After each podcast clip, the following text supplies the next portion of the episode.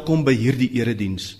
Ook hartlik welkom aan elkeen wat vanoggend by hierdie diens ingeskakel is en so deel vorm van hierdie erediens vanoggend. Waar in die wêreld jy jouself ook al mag bevind. Stuur u lig en u waarheid dat die ons lei en ons bring na u heilige berg, na u woning. Geliefdes genade en vrede vir u van God ons Vader, van Jesus Christus ons Here en van die Heilige Gees. Amen. Kom ons sing gesang 200 vers 1 en 3.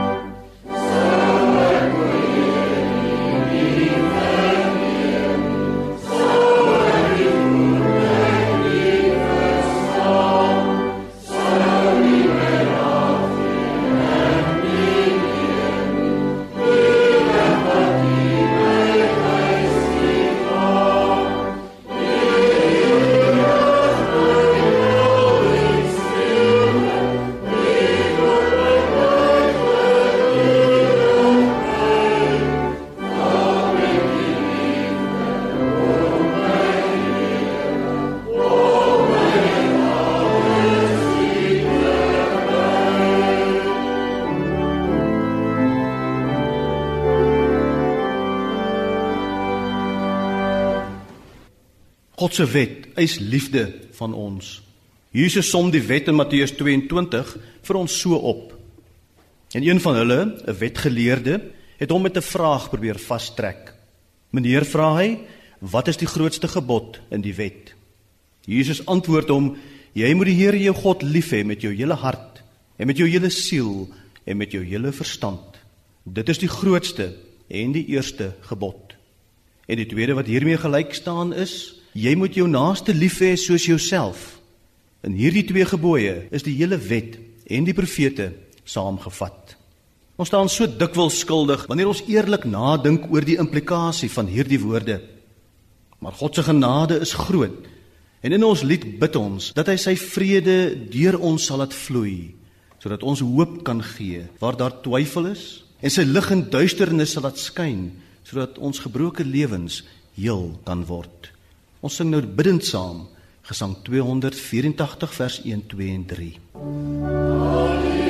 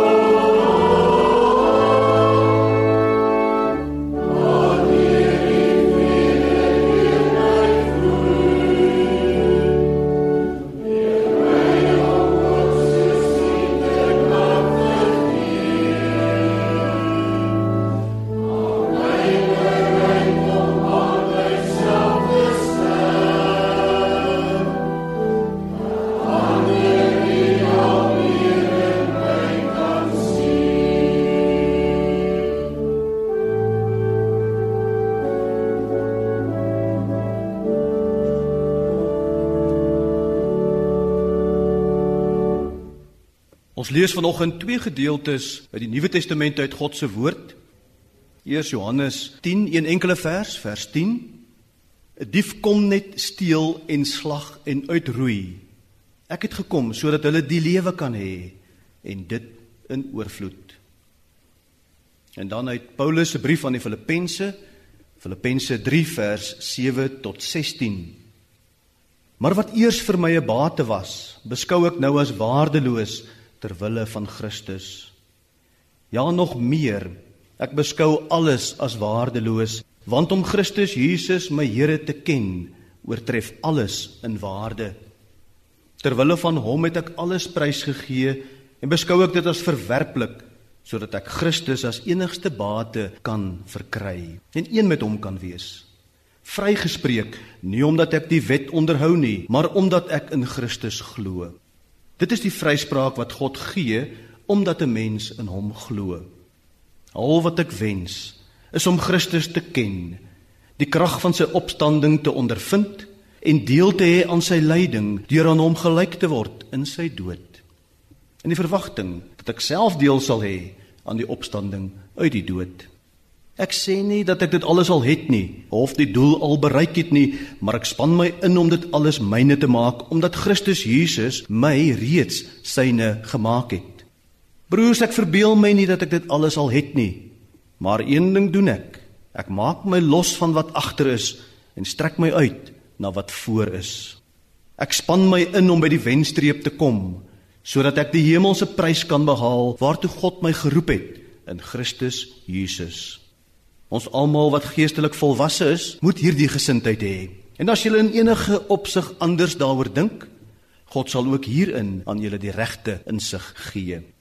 In elk geval, laat ons koers hou op die pad waarmee ons tot hier toe gekom het. Hier eindig ons skriflesing. Gras verdor en blomme verwelk, maar die woord van ons God, dit bly vir ewig. Die fokus van die prediking val op Jesus se woorde in Johannes 10 vers 10 Ek het gekom sodat hulle die lewe kan hê en dit in oorvloed. Is dit nie ons elkeen se diepste en grootste hartewens nie? Maar hoe doen ons dit? Veral in 'n tyd en 'n wêreld wat toenemend hoër eise aan ons stel en my lewe dikwels alles behalwe oorvloedig voel. Jesus het gekom sodat ons die lewe kan hê en dit in oorvloed. Kom ons praat vandag oor 'n oorvloedige lewe. Johannes 10 vers 10 is 'n teks wat baie maklik misverstaan kan word. Ons durf nie die teks verskraal deur aan te voer dat Christus hier uitsluitlik na die lewe hierna verwys nie.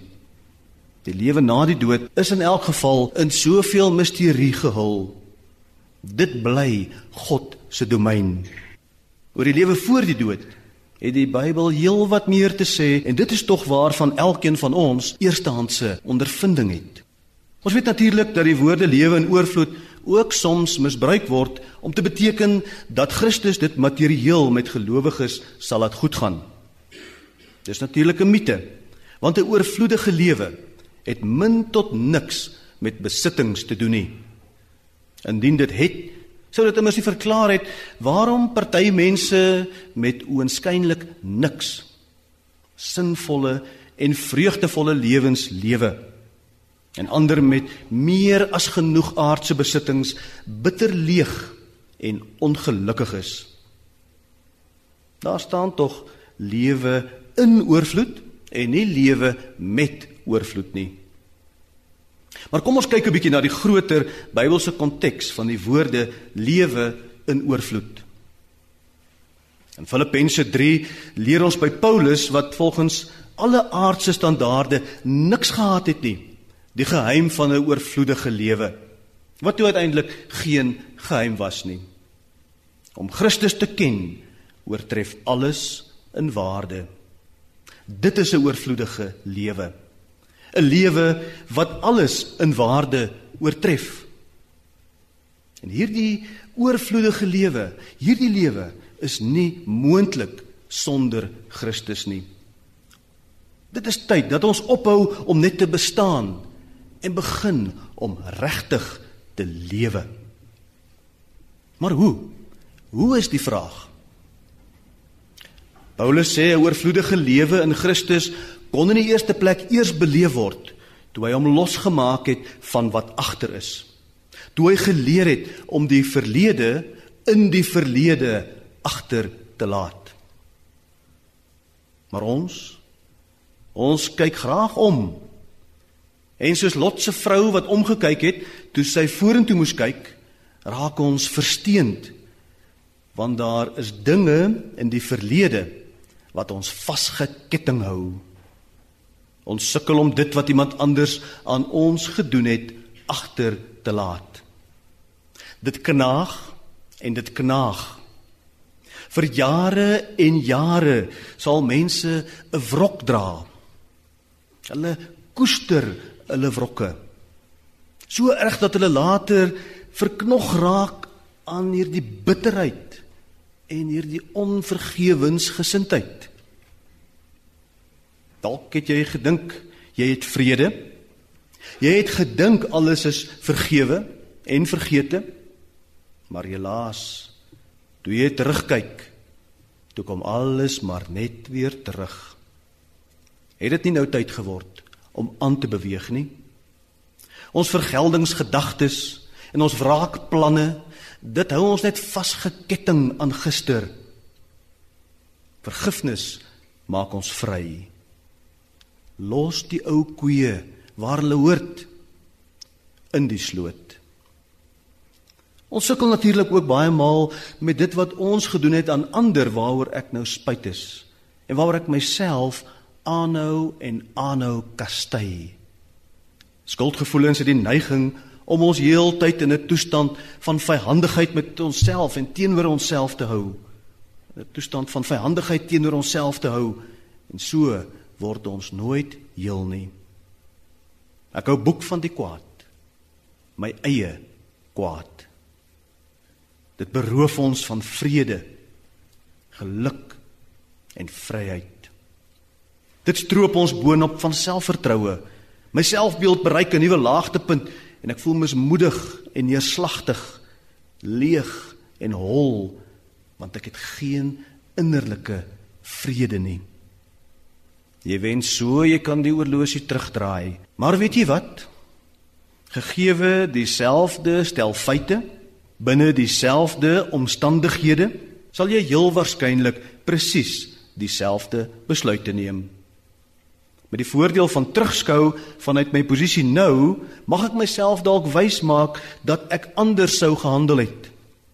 Maar al sou ek, dit maak nou nie meer saak nie. Dis verby beweeg aan. Die lewe is kort. Wat verby is is verby. Moenie dit probeer terughaal nie. Om skuldig te voel kan 'n lewenslange las word. Dit kan my stroop van alle lewensvreugde en alle lewenssin. Maak klaar met die verlede, dan sal die verlede ook klaar maak met jou. Die skrywer van die Hebreërbrief stel dit onomwonde dat ons net op een manier bevry kan word van hierdie verterende skuldgevoel. Die bloed van Christus sal ons gewete bevry. Maak vandag nog vrede met jouself en met jou verlede. Hy's die wit vlag vir jouself. Vergewe jouself. God het dit lankal gedoen en lewe dan weer. Lewe oorvloedig. Jy kan tog nie langer so aangaan nie. Vandag is die eerste dag van die res van jou lewe. So het Wyle Vanus Rautenbach mos graag gesê. Maar saam met traagheid om te vergewe en skuldgevoelens is daar 'n derde saak wat ons bind aan die verlede.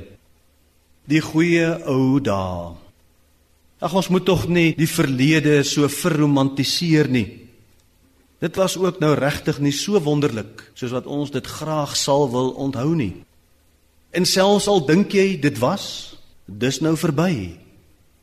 Sie Langehoven het gesê met die water wat verby is, sal jou meule nooit weer maal. Uit die assies op jou vuurherd sal jy nooit geen gloed weer haal. Christus waarsku ons, moenie hand aan die ploeg slaan en aanhou omkyk na wat agter is nie. Jy kan in elk geval nie te gelyk agtertoe en vorentoe kyk nie. Paulus kies. En wat hy kies is duidelik. Hy maak hom los van wat agter is. Christus het gekom om vry te maak, nie om te bind nie. Paulus het dit besef. Besef ons dit al? En indien ons uiteindelik by daardie belangrike punt kom, die punt waar ek die boek met die verlede kan toemaak, wat dan? Paulus sê, strek jou dan uit na wat voor is. Maar dit moet ons nou ook in 'n groter konteks sien. Voordat Paulus hom kan uitstrek na môre, is dit duidelik dat sy fokus by vandag lê. Sy voete is eerstens stewig in die hede geanker. Ons hoef nie verder as die volgende hoofstuk in Filippense te kyk om dit raak te sien nie, waar Paulus sê: "Wees bly, wees altyd bly, moet oor niks besorg wees nie. Ek het alles ontvang en ek het meer as genoeg." En dis hoe iemand praat wat nie die lewe omwens nie. Vreugde lê nie iewers om die volgende draai nie. Ons dra dit elke oomblik saam met ons. Paulus lewe optimisties. Optimisties oor sy toekoms hier en nou en natuurlik ook die toekoms hierna. Maar hy lewe hier en nou. Benut elke oomblik. Dit is amper so 'n soort refrein in Paulus se bediening. Benut elke geleentheid, benut elke genade oomblik. Die lewe snel in elk geval so vinnig verby. Wees versigtig waarvoor jy wens. Moenie die wonder van nou misloop nie. Iemand beskryf dit eenmal so. Dit was lente, maar ek wou somer hê. Warm dae en heerlike buitelewe. Dit was somer, maar ek wou herfs hê. Kleurvol en koel. Dit was herfs, maar ek wou winter hê. Koue lug en kaggelvuur. Dit was winter, maar ek wou lente hê. Bloeisels en nuwe lewe. Ek was 10, maar ek wou 20 wees. Onafhanklik en vry. Ek was 20, maar ek wou 30 wees. Meer volwasse en gesofistikeerd. Ek was 30, maar ek wou 40 wees, vermoënd en standvastig. Ek was middeljarig, maar ek wou afgetree wees, sonder sorges en verantwoordelikhede. Ek was afgetree, maar ek wou 20 wees, gesond en sonder beperkings. Ek droom steeds en nooit het ek gekry wat ek wou hê nie. Die wonder van nou Soos iemand wie se jongste kind die ander dag die huis verlaat het sê, die dae was lank, maar die jare was kort. Ja, die jare is klaar so kort. Moet hulle nie omwens nie. Jy is in elk geval vandag die heel jongste wat jy ooit weer in jou hele lewe gaan wees. Laat dit tel. Kommer oor die dag van môre en vrees vir wat voorlê is natuurlik 'n ander vyand wat ons stroop van die wonder van vandag. Onthou julle hoe die Israeliete in die woestyn opdrag gekry het om elke dag net daardie dag se voorraad manna en kwartels bymekaar te maak. Hulle moes hulle nie voortydig oor die volgende dag en dae kwel nie. Hulle moes leer om God vir hul daaglikse brood te vertrou. Kom ons gee dit waarin ons niks kan doen nie vir die Here en lewe elke dag. Om sinvol en oorvloedig te lewe is op 'n manier soos om 'n boek te lees Jy moet elke woord lees. Elke reël lees. Elke hoofstuk lees. Dis al hoe die verhaal sin sal maak, soos die skrywer dit bedoel het. Slaan jy 'n bladsy oor, verloor jy dalk net die draad van die storie. Jy moet al die karakters ontmoet en jouself in elke intrige inleef. Sommige hoofstukke sal jou laat huil, soms vir dae aan mekaar. Ander sal jou laat glimlag of hardop laat lag. Soms sal jy voel asof jy wil ophou lees omdat dit net te intens geword het. Ander kere weer sal jy die boek nie kan neersit nie. Maar jy moet deurdruk. Lewe elke oomblik. Moet niks misloop nie. Uiteindelik sal al die legkaartstukke van die verhaal inpas en 'n geheelbeeld vorm, want dis die verhaal wat God besig is om oor en met elkeen van ons se lewe te skryf. Hy is die meester outeur. Uiteindelik sal alles sin maak.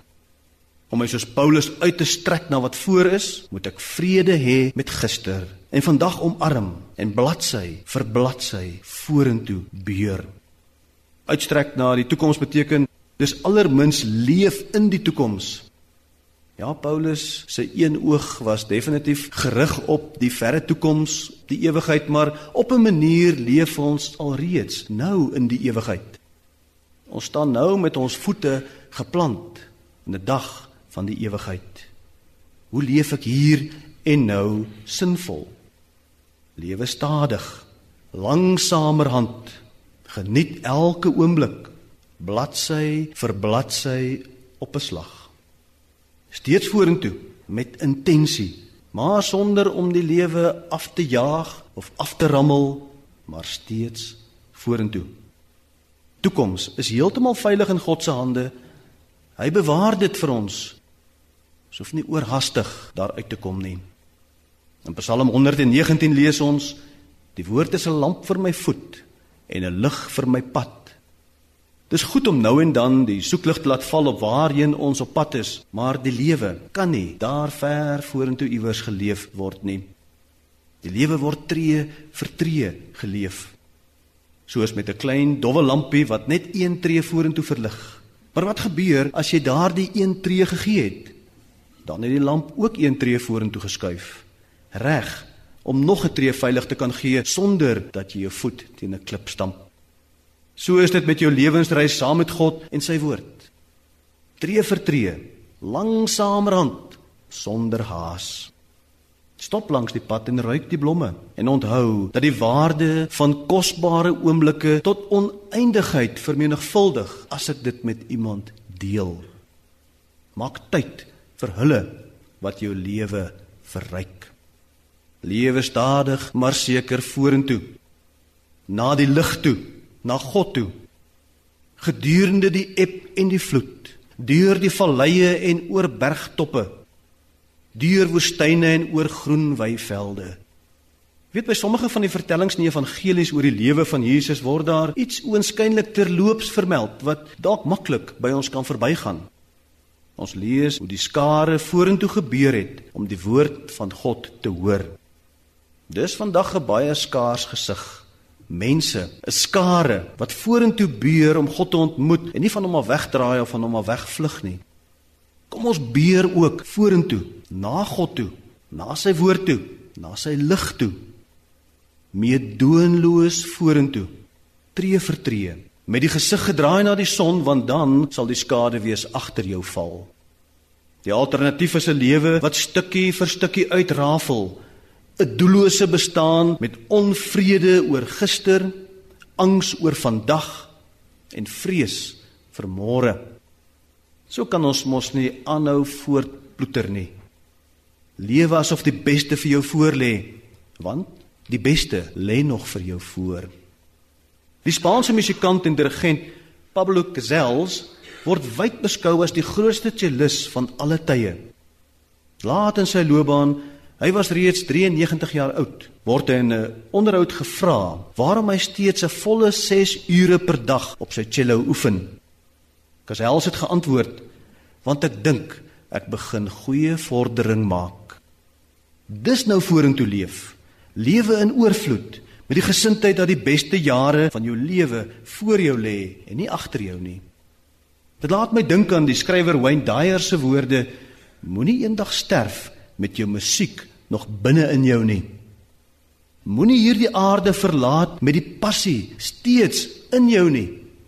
Met al die goed en die mooi in jou nie. Wat dit ook al in jou geval is. Met onbenutte geleenthede besaai langs die groot paaie en grondpaaie en kronkelpaaie en ompaaie van jou lewe nie. Moenie die musiek binnehou nie. En dit is die gevaar as jy vassteek in die verlede. As jy gister se teleurstelling permanent maak. Breek los daarvan. Lewe oorvloedig tot die laaste oomblik van jou lewe. Paulus was eens 'n vervolger van Christene Later leef hy uit wat hy hier in Filippense preek tot hy uiteindelik as 'n martelaar vir Christus sterf. En hy was tevrede. Kom ons neem die apostel Petrus as nog 'n voorbeeld. Aanvanklike entoesiastiese disipel, maar telke male as sy geloof getoets word, dan sink hy.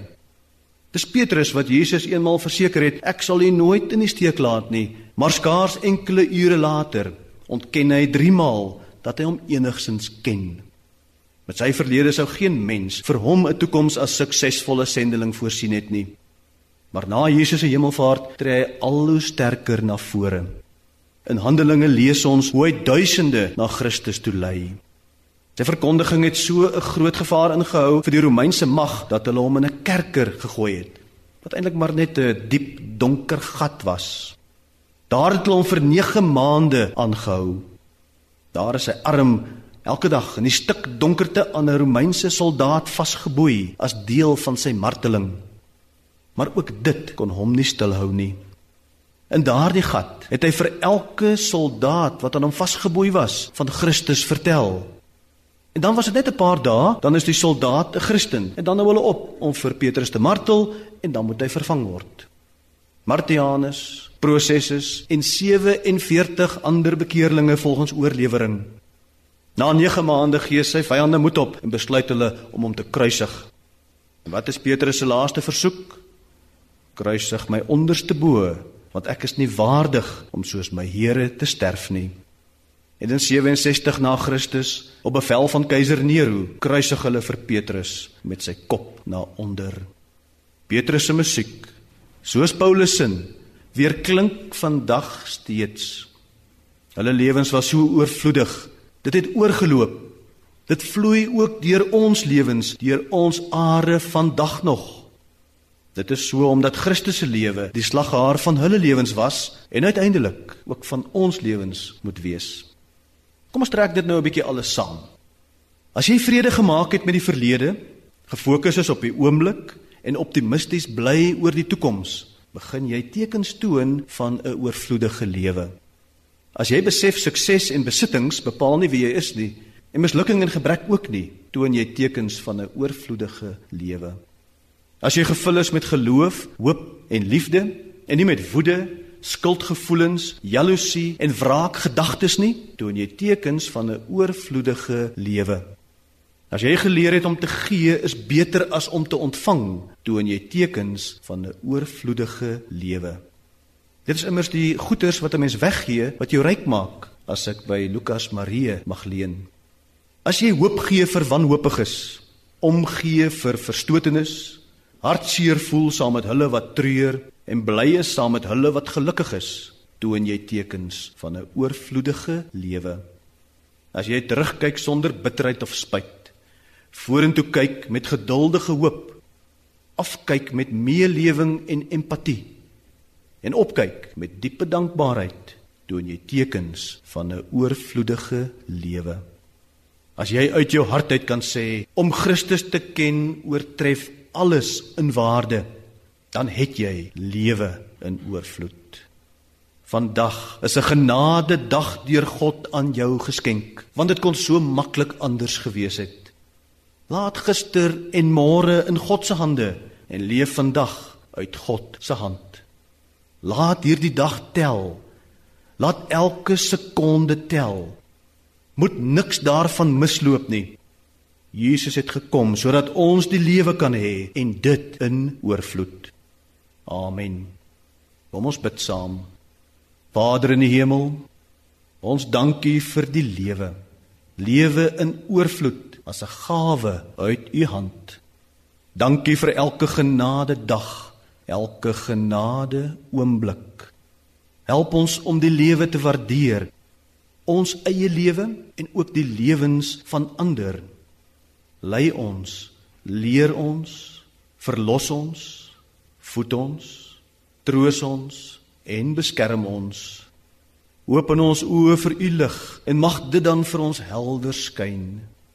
Maak ons harte nederig en liefdevol. Ons oë en hande oop. Ons ore simpatiek.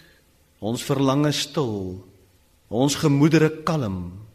Ons vooruitsigte hoopvol. Ons angs minder ons vrese en kommer oorbodig ons geloof sterk en ons lewens oorvloedig en skenk aan ons u vrede.